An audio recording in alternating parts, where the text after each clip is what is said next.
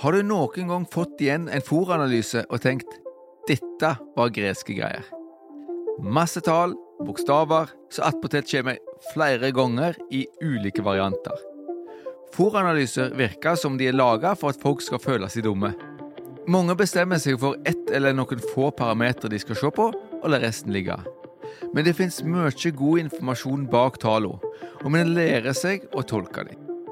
Med denne episoden er målet at du skal føle deg litt klokere neste gang du leser en fòranalyse. Episoden kommer i to deler. I dag skal vi ta for oss nærings- og energiinnholdet i fòret, og hva du kan gjøre for å påvirke tallene på analysen. Mitt navn er Magnus Haugland, og du hører podkasten Bondevenn.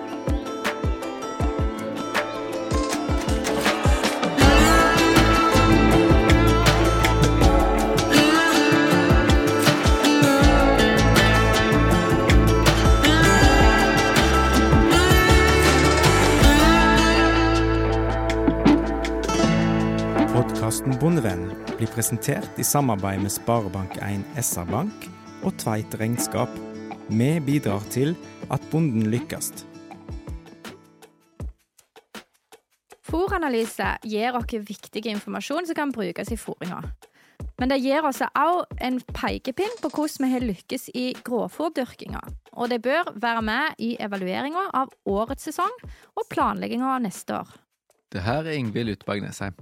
Vi får svar på mange spørsmål når vi studerer analysebeviset, og hvis vi i tillegg har gode notater om hva vi har gjort, og hvordan vær og forhold var når vi slo. Slo vi på rett tid? Tørka vi godt nok? Gjødsla vi rett? Og har vi tilsatt nok ensileringsmiddel? Etterpåklokskapen det er den eneste eksakte vitenskapen. Men hvis vi tar oss tid til å ta lærdom av det vi gjorde, kan vi kanskje stå bedre rusta til å ta gode valg med neste sesong. Når vi skal ta ut en fòrprøve, så må vi sørge for at den prøven blir representativ. Det vil si at det gir rett bilde av det fôret som vi har. Har vi for eksempel mye fôr fra ulike kjelver som er sleier på veldig ulikt tidspunkt, så vil ikke én prøve være representativ for det fôret. Som vi vet, så skjer det mye utvikling i gresset de siste ukene før slått, og hvor tid du slår, har stor betydning for hva slags svar du får på analysen. Så egentlig så må en ha en prøve for hvert parti med fôr som vi har. Men da kan det jo fort bli litt uoverkommelig. Da er det lurt å ta ut prøve av minst tre rundballer for hver parti du skal ta av. For å sikre deg på at du ikke treffer på en som er blitt ødelagt av en eller annen grunn, enten det er et lite hull i den, eller du har vært uheldig med pakking eller syretilsetning. Maren Bjorland er fôringsrådgiver i Fisk og Mølle, og tar ut en haug med fôrprøver hvert år. La oss høre hvordan hun vil gjøre det optimalt sett. Det optimale er jo sånn sett å få en prøve absolutt alt, alle ballene, men det går jo ikke. Så da er det jo å prøve å velge seg ut og smalne det inn. Um, og hvis vi tenker tar rundballer i første omgang, da, så um, er det jo gjerne hvis, hvis, det er, hvis det er et sånn voldelig blanda parti du skal ta prøve av, så tenker jeg da må du ta flere baller enn du ville gjort hvis du visste at ok, her har du førsteslått ifra ei enkelt kjelve. Da, da regner du med at det er mer ensarta, da. Um, sånn at da jeg eh, Personlig så pleier jeg å ta en plass imellom fire-fem og åtte-ti baller, litt avhengig av, eh, av størrelsen på partiet og av, altså den forventa variasjonen, da, kan du vel si. Um, og så, ja, ett stikk i, i, hver balle. Og da er det jo å bruke et, et spyd så du kommer godt inn. Uh, og prøve å komme gjennom uh, flest mulig lag i, i ballen, da. Og så er det å, å ta baller ifra, ifra hele stakken eller stabelen, sånn at du får liksom litt forskjellig rundt ifra, fra hele partiet, da. At du ikke bare tar de Hvis det er stabla sånn at de helt framme, er ifra fra ei kjelve og de helt bak ei fra ei annen kjelve, så vil jo ikke det heller være helt riktig. Så prøve å få hele spredningen. Og i en tårnsilo eller en plansilo så, ehm, så er det jo å, å komme gjennom flest mulig lag. I grunnen så er teorien, og i en plansilo så er det jo nokså enkelt å ta i stuen hvis den er åpen, og, og selvfølgelig at den er tildekket, og at den ikke står og blir utsatt for vær og vind. Um, eller stikke fra toppen og så, og så nedover, da. Og da er det jo selvfølgelig en fordel å ha et nokså langt spyd. Det gjelder jo i, i tårnsilo òg. Men det er et men her. Ja, det er ikke alle som har så store parti med fôr som er helt likt. Det er en av hovedgrunnene til at mange ikke tar seg bryet med å ta prøver.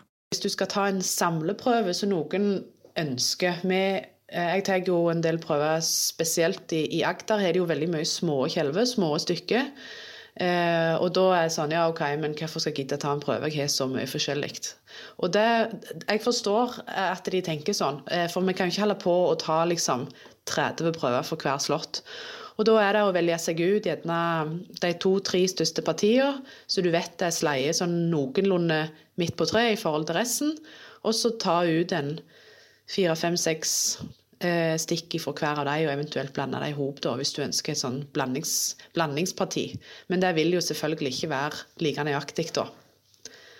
Men eh, sånn sett så kan du si at alle forprøver er jo egentlig et, et kompromiss, da at uh, du må bare prøve å plukke ut og få det så nøyaktig som du, du, klarer. Når vi tok ut prøven og sendte den til analyse, så går det noen dager eller uker før vi får svar. Det avhenger litt av hva analyse vi velger, hvor lang tid det går før vi får igjen analysebeviset. Mange analyserer kun for næringsinnhold, altså standardanalysen, fordi det er det du trenger for å sette opp en fòrplan. Vi som skal hjelpe til med gjødslingsplanen og evaluere grovfòrsesongen, vi ønsker òg analyse av gjæringskvalitet og mineraler.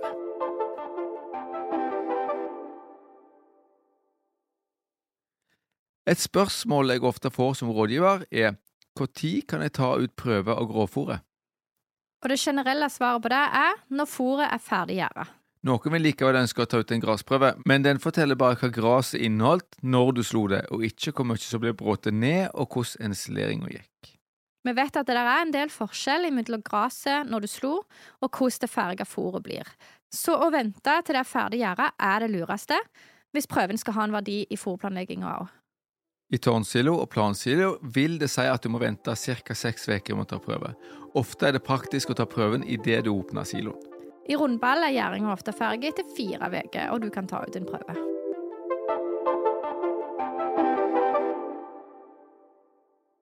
Når vi får tilbake oss analysebeviset, så er det kjekt å gjette torstoffet. Er det høyere eller lavere enn du trodde? Ofte har en en formening om det var rått eller tørt. Torstoffet er jo altså ikke vann, og dette finner de ut med å tørke fôret fullstendig og se hvor mye som er forsvunnet. I silo er ønska tørrstoff rundt 30% Våtere fôr gir silosaft, mens tørrere fôr kan føre til varmgang. I enkelte land som Danmark anbefales 33-37% tørrstoff i silo, altså litt tørrere. Det er fordi de slår tidlig og har et mer pakkevillig gress. I rundballer kan vi godt tørke betydelig mer. Vi har jo snakka om fordelene med sterk tørking i en tidligere episode. Å ha tørt fôr i rundballer det lønner seg veldig. Da får du mer fôr i hver ball og sparer masse penger på plast og andre pressekostnader. Til dyrere plast og diesel, til viktigere er det å få mer inn i hver ball. Men det er viktig å huske på at det ikke er det samme hvor lenge du bruker på å få rett torstoff. Rask og jevne tørking er en forutsetning. Ja, Bruker du mange dager på å tørke, så går vinninga opp i spinninga. Når du har tidlig slått gress med mye blad, så greier du fint å presse dette hardt sammen. Men slår du veldig seint, så kan det bli en utfordring med for tørt fôr. Da er det vanskelig å få ut lufta, og du kan få muggel. I tillegg vil dårlig pakka gress med mye luft gi en seinere oppstart av ensileringsprosessen. Og vi får nedbrytning i plassen for ensilering i starten.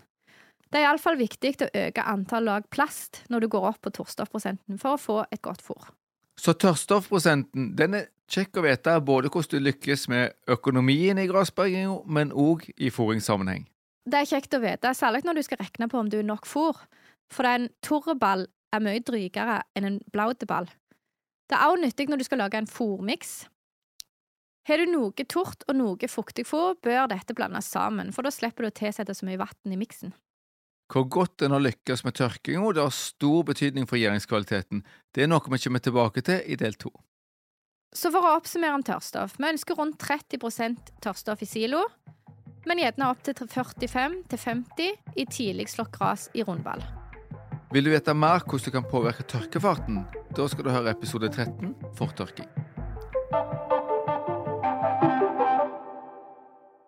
En av de viktigste parameterne på fòrprøven er fordøyeligheten. Fordøyelighet eh, det er jo oppgitt som OMD da, på analysebeviset. Eh, og det betyr egentlig bare Altså det er fordøyeligheten av det organiske materialet. Altså hele prøven utenom askeverdien. Og fordøyelighet betyr i grunnen bare den delen av fôret som dyret kan utnytte.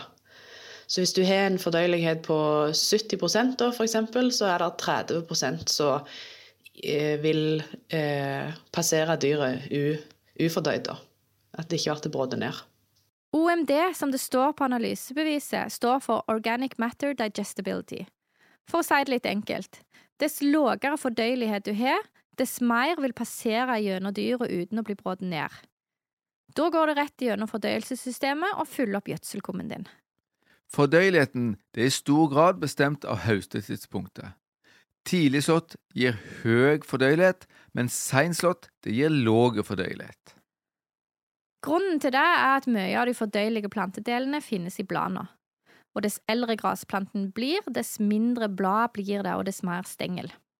I tillegg så blir stengelen stivere til eldre plantene blir, og det som gjør stengelen stiv, er ikke særlig fordøyelig.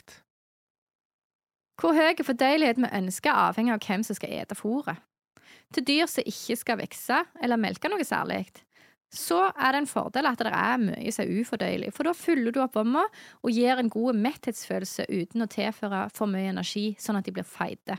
Men til dyr som skal produsere, er det en annen sak. Hør på Maren. Egentlig så er det så høyt som mulig. Ehm, for med høyere fordøyelighet så får du jo høyere fôrverdi, og du får, eh, høyere, altså du får bedre vannfunksjon og, og, hele pakken som regel. Men jeg tenker at um, det er jo iallfall en fordel at han, er, at han, er, over 70, tenker jeg, til et melkekufôr. Er han under 70, så ser vi mange ganger at da er fôrverdien såpass lav at da må du kompensere med mye kraftfôr for å opprettholde produksjonen. Så det tenker jeg er et litt sånn minimum, da. 70 fordøyelighet er altså minimum. Men vi ønsker gjerne opp i 80% når vi skal ha et tidligslått energirikt fôr som dyra skal ete mye av. Som jeg sa, så er fordøyeligheten i stor grad bestemt av utviklingstrinnet til gresset med høsting. Dette henger nøye sammen med innholdet av fiber. Fiber har vi jo snakka mye om tidligere og hvor viktig det er å ha nok fiber, sånn at dyra får et godt vannmiljø. Fiber er oppgitt som NDF på fòrprøven, og det er en forkortelse for Neutral Detergent Fiber, altså nøytralløselig fiber på norsk. Det er jo det som er mat og energi for mange av mikrobene i vomma. Så her ønsker vi jo å ligge på eh, sånn som så alle andre verdiene, sånn ganske midt på treet, ikke for høyt og ikke for lågt. Eh, for lave verdier av NDF vil gi problemer med vannmiljø. På Jæren er det en ganske vanlig problemstilling med ganske tidlig sleiereigras at det, det, er lite fiber, og det gir seg utslag i eh, typisk lause mager og gjerne litt lave fettprosent og sånn. Mens eh, hvis NDF er for høy igjen, så har jo det en eh, direkte innvirkning på fôropptak, og, og som regel også fôrverdi da henger jo også i hop med det. NDF, altså fiber, er en stor del av fôret. Vi ønsker at det skal være rundt 50% altså 480-520 gram fiber per kilo tørrstoff i fôr som skal til dyr som produserer. I noen fôringssituasjoner så klarer vi oss også med litt mindre fiber enn det, men det krever da at dyra spiser veldig mye gress. NDF innebefatter cellulose, hemicellulose og lignin. Cellulosen og hemicellulosen kan brytes ned av mikrobene som bor i vomma, mens lignin er ufordøyelig. Andelen lignin den vil øke etter hvert som gresset blir eldre, og den vil også kapsle inn deler av hemicellulosen og cellulosen, sånn at de også blir ufordøyelige. Den ufordøyelige delen av fiberen den er oppgitt som INDF på fòrprøven. INDF er en forkortelse for Indigestible Neutral Detergent Fiber. INDF er jo den delen av fiberfraksjonen som ikke kan utnyttes av dyret. Uansett hvor lenge det er i vomma, så vil det ikke bli nedbrutt. Um, og det er jo et mål som du uh, Eller en verdi som du vil ha lav, selvfølgelig. For det gir jo bare Det gir jo ingen, ingen nytte i dyret. Og den òg henger jo sterkt i hop med utviklingsstadiet. Jeg tenker jo at um, rundt 100 er jo veldig fint hvis du klarer det, men jeg ser at det er jammen ikke mange prøver jeg får inn som er så lave, selv selv om det er nokså tidlig leie og fòrverdien er fin. Så um, en plass imellom ja, 100 og 120 tenker jeg er veldig bra, hvis du klarer det. Vi ønsker altså INDF på under 120. INDF og NDF henger nøye sammen med fordøyelighet. Skal du lage gjellkufôr eller fôr til ammekyer i lågdrektigheten, så skal du ha låg fordøyelighet, det vil si høy NDF og relativt høy INDF. Og for de som vil ha konkrete tall å forholde seg til, det vil si fordøyelighet mellom 60 og 70% og NDF skal ligge på 550 opp mot 600 NDF. Da er gjerne INDF godt over 150, og da skulle det passe til gjeldkyr.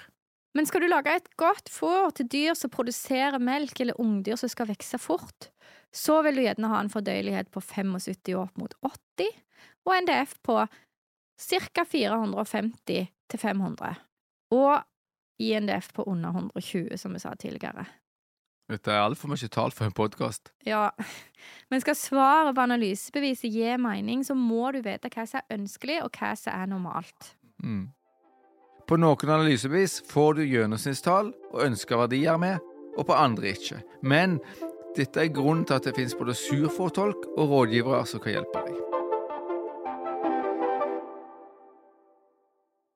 Hvis vi klarer å treffe på ønska verdier på fordøyelighet og fiber, så har vi ofte truffet innertida på energiinnholdet òg. For poenget er jo at dyra som eter fôret, skal få i seg energi så de kan bruke til å produsere melk og kjøtt. Energiinnholdet er direkte knytta til tidspunktet for slått, og dermed fordøyeligheten og fiberinnholdet. Til seinere slått til mindre energiinnhold. Og når vi ser på analysebeviset, så er energiinnholdet oppgitt enten som NEL20 eller som fôrenhet melk. FEM, eller fôrenhet melk, er den gamle måten å oppgi energi på, men den brukes mye ennå. 1 FEM tilsvarer energien i ett kilo med bygg. NEL 20 er en måte å regne på energi ut ifra hvor mye energi ei standardku kan utnytte. Det er mer korrekt i fôringssammenheng, men til å regne på avlingsmengden så er, er fôrenheter melk mer enn godt nok. Enten du leser energiinnholdet som NEL 20 eller fôrnede melk, vil lågt fordøyelig fôr med mye NDF ha mindre energi enn fôr med høy fordøyelighet og lite NDF. Det var tungt. Sorry. Jeg skal prøve å gjøre det mer praktisk, så ikke skru av helt ennå. Men får tro de henger med. Noen ganger så får vi lågt energiinnhold i fôret og låg fordøyelighet, selv om NDF-en, altså fiberinnholdet, ikke er så høyt. Da finner vi ofte forklaringen i en veldig høy INDF, altså en, at en stor andel av fiberen er ufordøyelig. Det kan skje når det er veldig varmt i perioden rundt slått. Da blir planten varmestressa. Og eller ved tørke. Ja, da vil gresset gå i strå og lage mye ufordøyelig fiber, altså INDF. Så hvis det plutselig kommer voldsom varme rundt slått, så haster det å få det gjort. Hvis vi skal få til et godt grovfôr. Denne episoden er sponsa av Felleskjøpet Rogaland Agder. Felleskjøpet arbeider hver dag for din lønnsomhet som bonde, og for lokal og norsk matproduksjon. Ta kontakt med en av våre konsulenter, eller gå inn på nettsidene våre bondekompaniet.no. Som vi har snakket om mange ganger før, så ønsker vi å produsere mye protein i gresset fordi da blir vi mindre avhengig av importert protein i kraftfôret. Protein blir i hovedsak oppgitt som råprotein på analysebeviset. Råprotein er en samlebetegnelse for alt som inneholder nitrogen. Men vi får også oppgitt AAT og PBV. AAT står for aminosyre absorbert i tarm, mens PBV står for proteinbalanse i vom. Og råproteinet det får vi delt opp i ulike deler. Vi får oppgitt ammoniakk, nitrat og løselig råprotein, så det er rom for forvirring. Men hvis vi begynner da med råprotein, så er det et godt mål på om vi har truffet med nitrogengjødslinga og haustetidspunktet. Til et godt produksjonsfôr så ønsker vi en råprotein på 150-170. Da gjelder det å slå tidlig og gjødsle ut for grasets behov, men det skal vi komme tilbake til i del to. I fôringa så snakker vi mye om AT og PPV. Vi ønsker jo et visst nivå av eh, AT, aminosyre absorbert i tarm, for at, uh, vi vet at det har en Spesielt i, i melkeproduksjonen så har det en gunstig effekt på melkeproduksjonen. Um, sånn at det, det, er jo noe som inngår når vi lager forplanen, kan du si. På AT, på gras, så ligger det jo mye Det er vel ja, 70-80-80 gjerne ønsker vi nok iallfall å ha, for at du skal få et, eh, et fôr som dekker behov for AT, uten å måtte tilføre for mye via kraftfôret. Og på PBV så er det jo sånn at uh, i totalrasjonen så vil du at den skal ligge mellom pluss 10 og pluss 40. Så for å få et visst overskudd da, uh, til, av protein til mikrobene, så eh, vil vi iallfall ha den i det sjiktet der til i, i grovfôr òg, da. Og jeg tenker at uh, til melkeku så i plass Ja, optimalt, tenker jeg, er gjerne en plass imellom 20 og 30-40. For da er det enklere å, å kombinere det med andre fôrslag. Hvis vi har et passe innhold av råprotein, så har vi som oftest også truffet på AAT-verdien. PBV kan likevel variere litt. Det henger sammen med hvor mye energi som er tilgjengelig til mikrobene for å bryte ned og utnytte dette proteinet. Kraftfôr til melkeku er som regel supplert. altså Det er tilført såpass mye AAT at AT-dekninga til ei ku i laktasjon er sjelden en, et tema når du, når du gir normale mengder kraftfôr, kan du si. Eh, mens PBV er jo litt mer eh, å justere og tilpasse.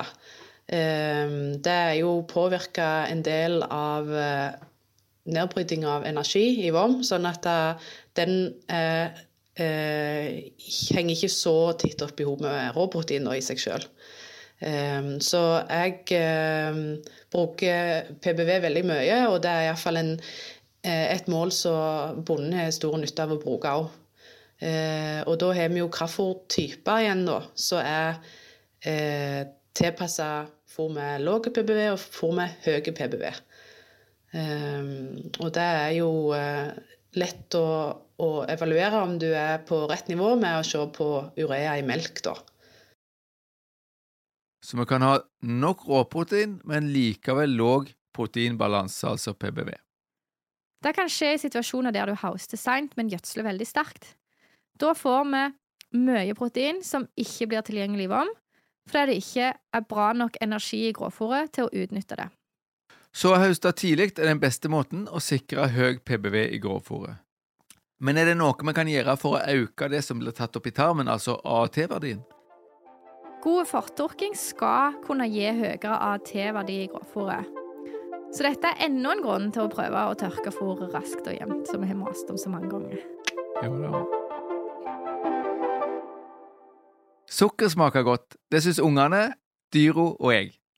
jeg også syns sukker er godt. Men sukker det er jo lettløselig energi. Og er det mye sukker i grovfòret, så får du en høyere energiverdi. Men for mye kan i verste fall gi trøbbel med vannmiljøet. Sukker og stivelse er jo eh, det som kalles for lettløselige karbohydrater. Det vil si at de løser seg fort opp i vomma. Eh, og med rask nedbryting sånn av, av karbohydrater, så får du en da får du en, en, eh, en rask syreproduksjon i vomma. Eh, mikrobene bryter jo ned disse karbohydratene til syre. Eh, og da vil du kunne få en opphopning av syre når det er mye sukker og stivelse på en gang. Det vil over tid iallfall, eller ja, det vil, gi, det vil påvirke pH i vomma, da. Og sur og vann er vel en problematikk som de fleste er kjente med i større eller mindre grad. Men det er jo òg eh, negativt for en del av de eh, bakteriene som eller de bakteriene som bryter ned fiber, mikrobene som bryter ned fiber, tåler ikke lave pH. Sånn at det, det, vil på sikt igjen påvirke fibernedbrytinga og, og, og fòrutnyttelsen og ja, ytelse, fettprosent i melk og Hvor mye sukker det er i grovfòret, avhenger jo av hvor mye sukker det er i gresset når du slår, og hvor mye som blir brukt opp i ensileringsprosessen. Det siste skal vi komme tilbake til i del to. Vi vet at sukkerinnholdet er væravhengig. Mye sollys og kulde det gir høy sukkerproduksjon i planter. Det er derfor vi har så søte epler og jordbær i Norge. Og det handler jo om fotosyntesen. Det krever sollys for å produsere sukker, men er det veldig varmt, så bruker plantene opp en del av dette. Derfor har det tidligere vært fokus på at vi skal slå gresset litt seint på dagen, når sola har stått på en stund, men det har vist seg ikke stemme når vi skal drive med fortørking. Hvis det skal rett i silo, er det en annen sak. Da kan vi godt begynne litt seint på dagen med slåtten. Slår vi seint på dagen, så får vi dårligere tørking, og da må fôret ligge ute over natta uten å være skikkelig tørt. Så da bruker det opp mye sukker. Og vinninga går opp i spinninga. Så det viktigste å fokusere på for å få mye sukker i grovfòret, det er rask og jevn fortørking. Det begynner å bli et mantra, det der. En god ting kan ikke sies for ofte, Ingvild. De ulike grasartene har jo ulikt sukkerinnhold naturlig.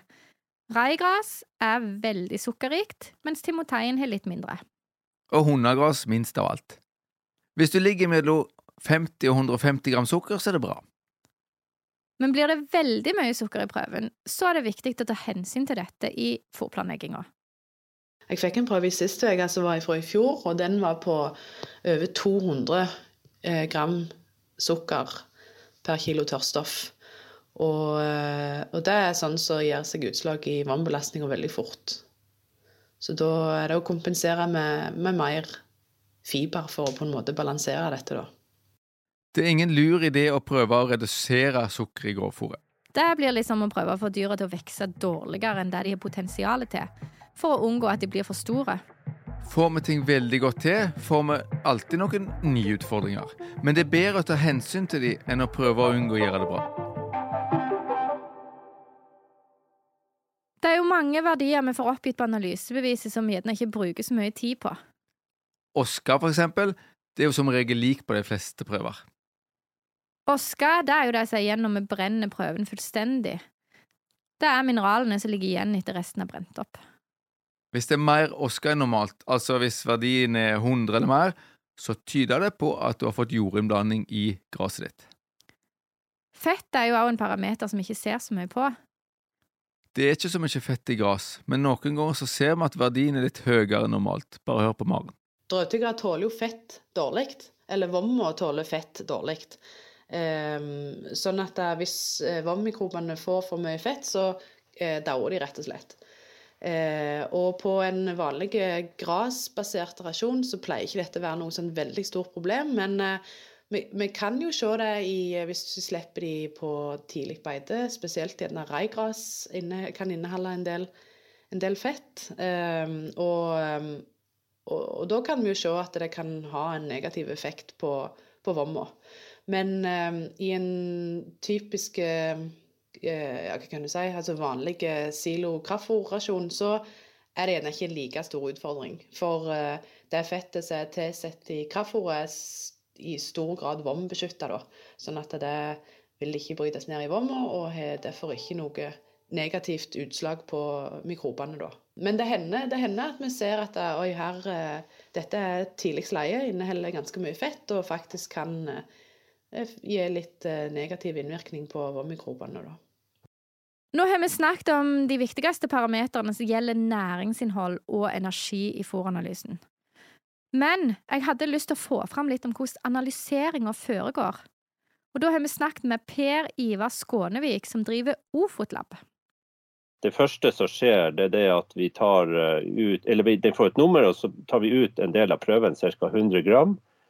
Veier den og satt i en tørkeskål. Og så, eh, når vi har, eh, er ferdig for dagen, så samler vi sammen alle skålene og så setter vi dem til tørk i et tørkeskap. Eh, og da står de i ca. 24 timer, de prøvene, i et tørkeskap. Og da dagen etterpå da, så tar vi de ut og veier dem på nytt igjen. Og de to tallene de forteller jo litt om tørrstoffprosenten, da. Så en eh, tørr prøve han blir jo bare litt grann eh, lettere, mens en våt prøve blir jo veldig mye lettere. Så det, da, ja, så det er det første vi gjør. Eh, det neste vi gjør da, dagen etterpå, nummer to, da, det er det at den prøven tar vi og maler opp til pulver.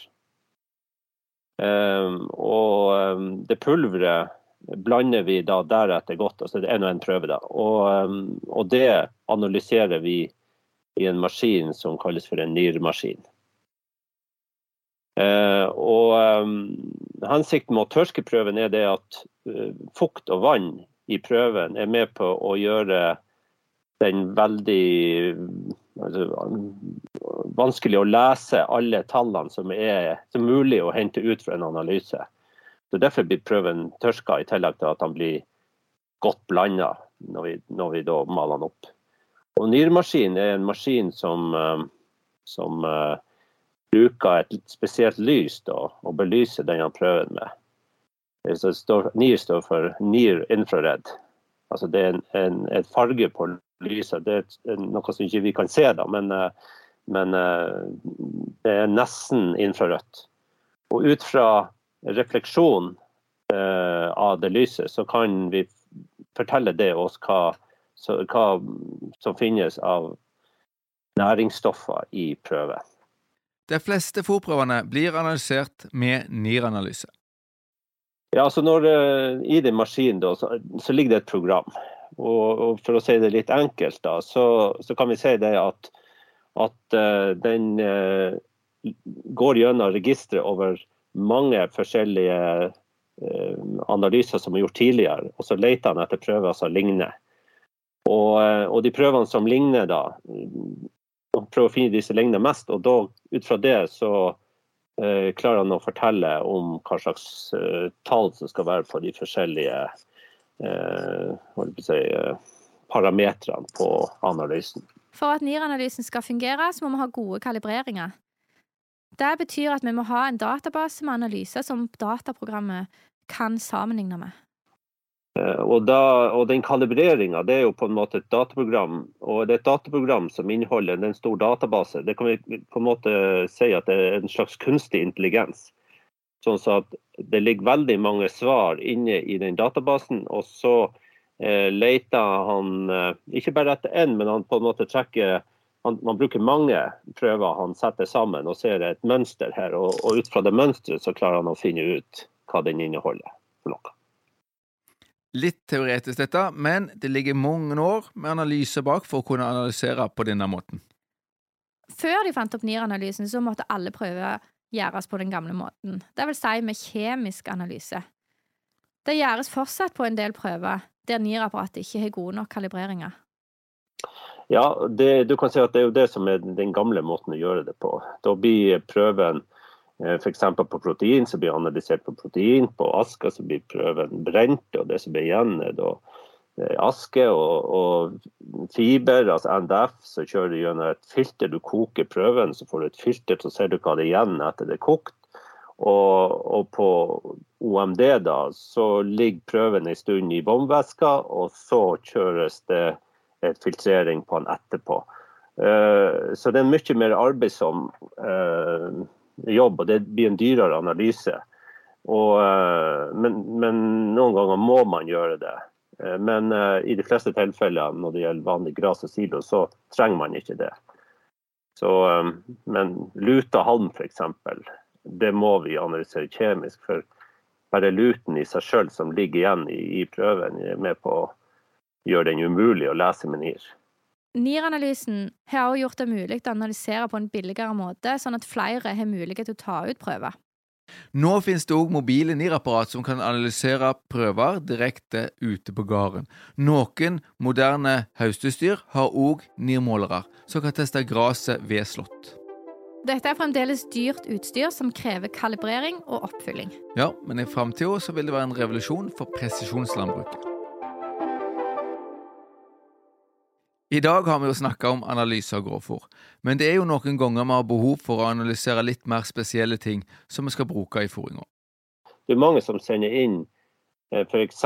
grønnfôr av f.eks. en byggåker eller en eh, havre eller hvete eller noe sånt. Og så eh, sier de at dette er helgrønn. Når vi får det, så ser vi det at det her er stått så kort tid at kornet har ikke blitt modent. Og da er det egentlig ikke en helgrøde. Da er det en, et grønnfòr, egentlig. Og, eh, og, men noen ganger så gjør vi den jobben og ser litt på prøven om hva vi tror denne hører, hvilken gruppe den hører hjemme i. Eh, men hvis det er andre helt spesielle ting Vi får jo også noen som f.eks. sender inn eh, biprodukter fra bryggeri, fra potetindustrien og sånne ting. Og da må vi kjøre, de må vi kjøre kjemisk, og, og de, da må vi vite litt hva det er for noe for å kunne plassere det her i rett uh, fòrkode i systemet. Og Noen ganger kan det være interessant å sende inn en full formix for å sjekke om den inneholder det vi har regna oss fram til at den skal inneholde. Ja, vi prøver jo, og det er litt vanskelig, for en, en sånn blanding kan være så veldig mye forskjellig. Eh, og den fungerer i hvert fall veldig bra når det er, ikke er, den er for kompleks. Altså at den inneholder for mye kraftfôr eller eh, sånt, så går det bra. Eh, men noen ganger så kan det være veldig mye rart oppi der, og da har vi problemer. Da må vi nesten ta den kjemisk. Men det kan stort sett vi se etter vi har fått den, eh, om det svaret vi gir ser ut til å stemme, eller om den må analysere kjemisk. Så det kan jo være greit å ha en liten dialog med oss om det hvis man er usikker på, på dette. Men hvis det er en grassilo med litt iblanda eh, kraftfôr, så går det bra. Fôrprøver kan fort bli ødelagt om de ikke er godt nok innpakka. Vi har ofte gitt råd om å fryse prøven før du sender den til analyse, sånn at det ikke skal bli ødelagt under postgang. Vi spurte Per Ivar om postgang og hvordan vi best kan ta vare på prøven så den ikke blir ødelagt. Det, det er litt avhengig av hvilken type prøve det er. Hvis det er en, en helt normal silo som er blitt litt sur og, og sånn, så tåler prøven veldig mye. Eh, da kan du sende det en hvilken dag som helst, eh, bare da man, det passer for hver enkelt. Hvis det er fôr som er eh, hva skal jeg si, eh, altså veldig tørt, men ikke tørrhøy, eh, men kanskje er begynner å bli nærme seg tørrhøy i tørrheten, det er det vanskeligste å sende. Det pluss vanlig gras. Eh, fordi at det har så lett for å Det begynner så fort å mugle det, det prøven. Vi har noen spesielle poser som inneholder en liten brikke som fjerner oksygenet fra posen som vi sender ut, og hjelper på den prosessen så den blir litt konservert. Men da kan det uansett være lurt å sende på en mandag eller en tirsdag. Da er det litt, hvis det blir stående over helga på en varm postterminal, så er det litt eh, dumt, egentlig. Å få tilbake en fòranalyse, det er nesten som å få eksamensresultatet. Heldigvis så har du mange flere sjanser til å gjøre ting bedre hvis det ikke er optimalt. Tolking av fòranalyser er et kjempestort tema, og vi kunne ha slitt ut ørene til folk i timevis, men jeg tror det er på tide at vi runder av, Ingvild. Ja, jeg tror det er lurt, for vi skal jo fortsette med gjæringskvalitet og mineraler i del to, yes. så stay tuned. Men kan ikke du ta og oppsummere litt, da? Jepp. Ta ut en så representativ prøve som mulig. Ønska tørrstoffmengde avhenger av om det er silo eller ball. 30-35% tørrstoff i silo og gjerne 40-50 i ball hvis du slår gresset tidlig. Fordøyeligheten skal være minst 70% helst opp i 80 i godt produksjonsfôr. Vi ønsker at rundt halvparten av fôret skal være fiber, altså rundt 50 NDF. Mer hvis det er til gjeldkyr og ammekyr i lågdrettigheten, og litt mindre om det er til høytytende melkekyr. Ufordøyelig fiber, altså INF, bør være så låg som mulig, men blir fort høye om du slår seint. Men òg i varme- og tørkestressa gress. Protein bør vi prøve å få på rundt 150-170 gram per kilo tørrstoff. Da har vi ofte dekning av AAT, men vi bør høste gresset tidlig og ikke bare dure på med masse nitrogenussel, for da klarer ikke kua å nyttiggjøre seg av alt proteinet. Sukker ønsker vi å bevare ved rask og jevn tørking og god ensilering. Du har hørt podkasten Bondevenn. Mitt navn er Magnus Haugland. Jeg er rådgiver i Norsk landbruksrådgivning i Rogaland og lærer ved Vinterlandbruksskolen i Ryfylke. Og jeg er Ingvild Lutbergen Nesheim, rektor ved Vinterlandbruksskolen i Ryfylke. Har du spørsmål eller tilbakemeldinger til oss, så blir vi veldig glade for e-post til podkast.bondevennen.no. Episoden er spilt inn i ABC Studio i Etne. Lyd ved Stig Morten Søren.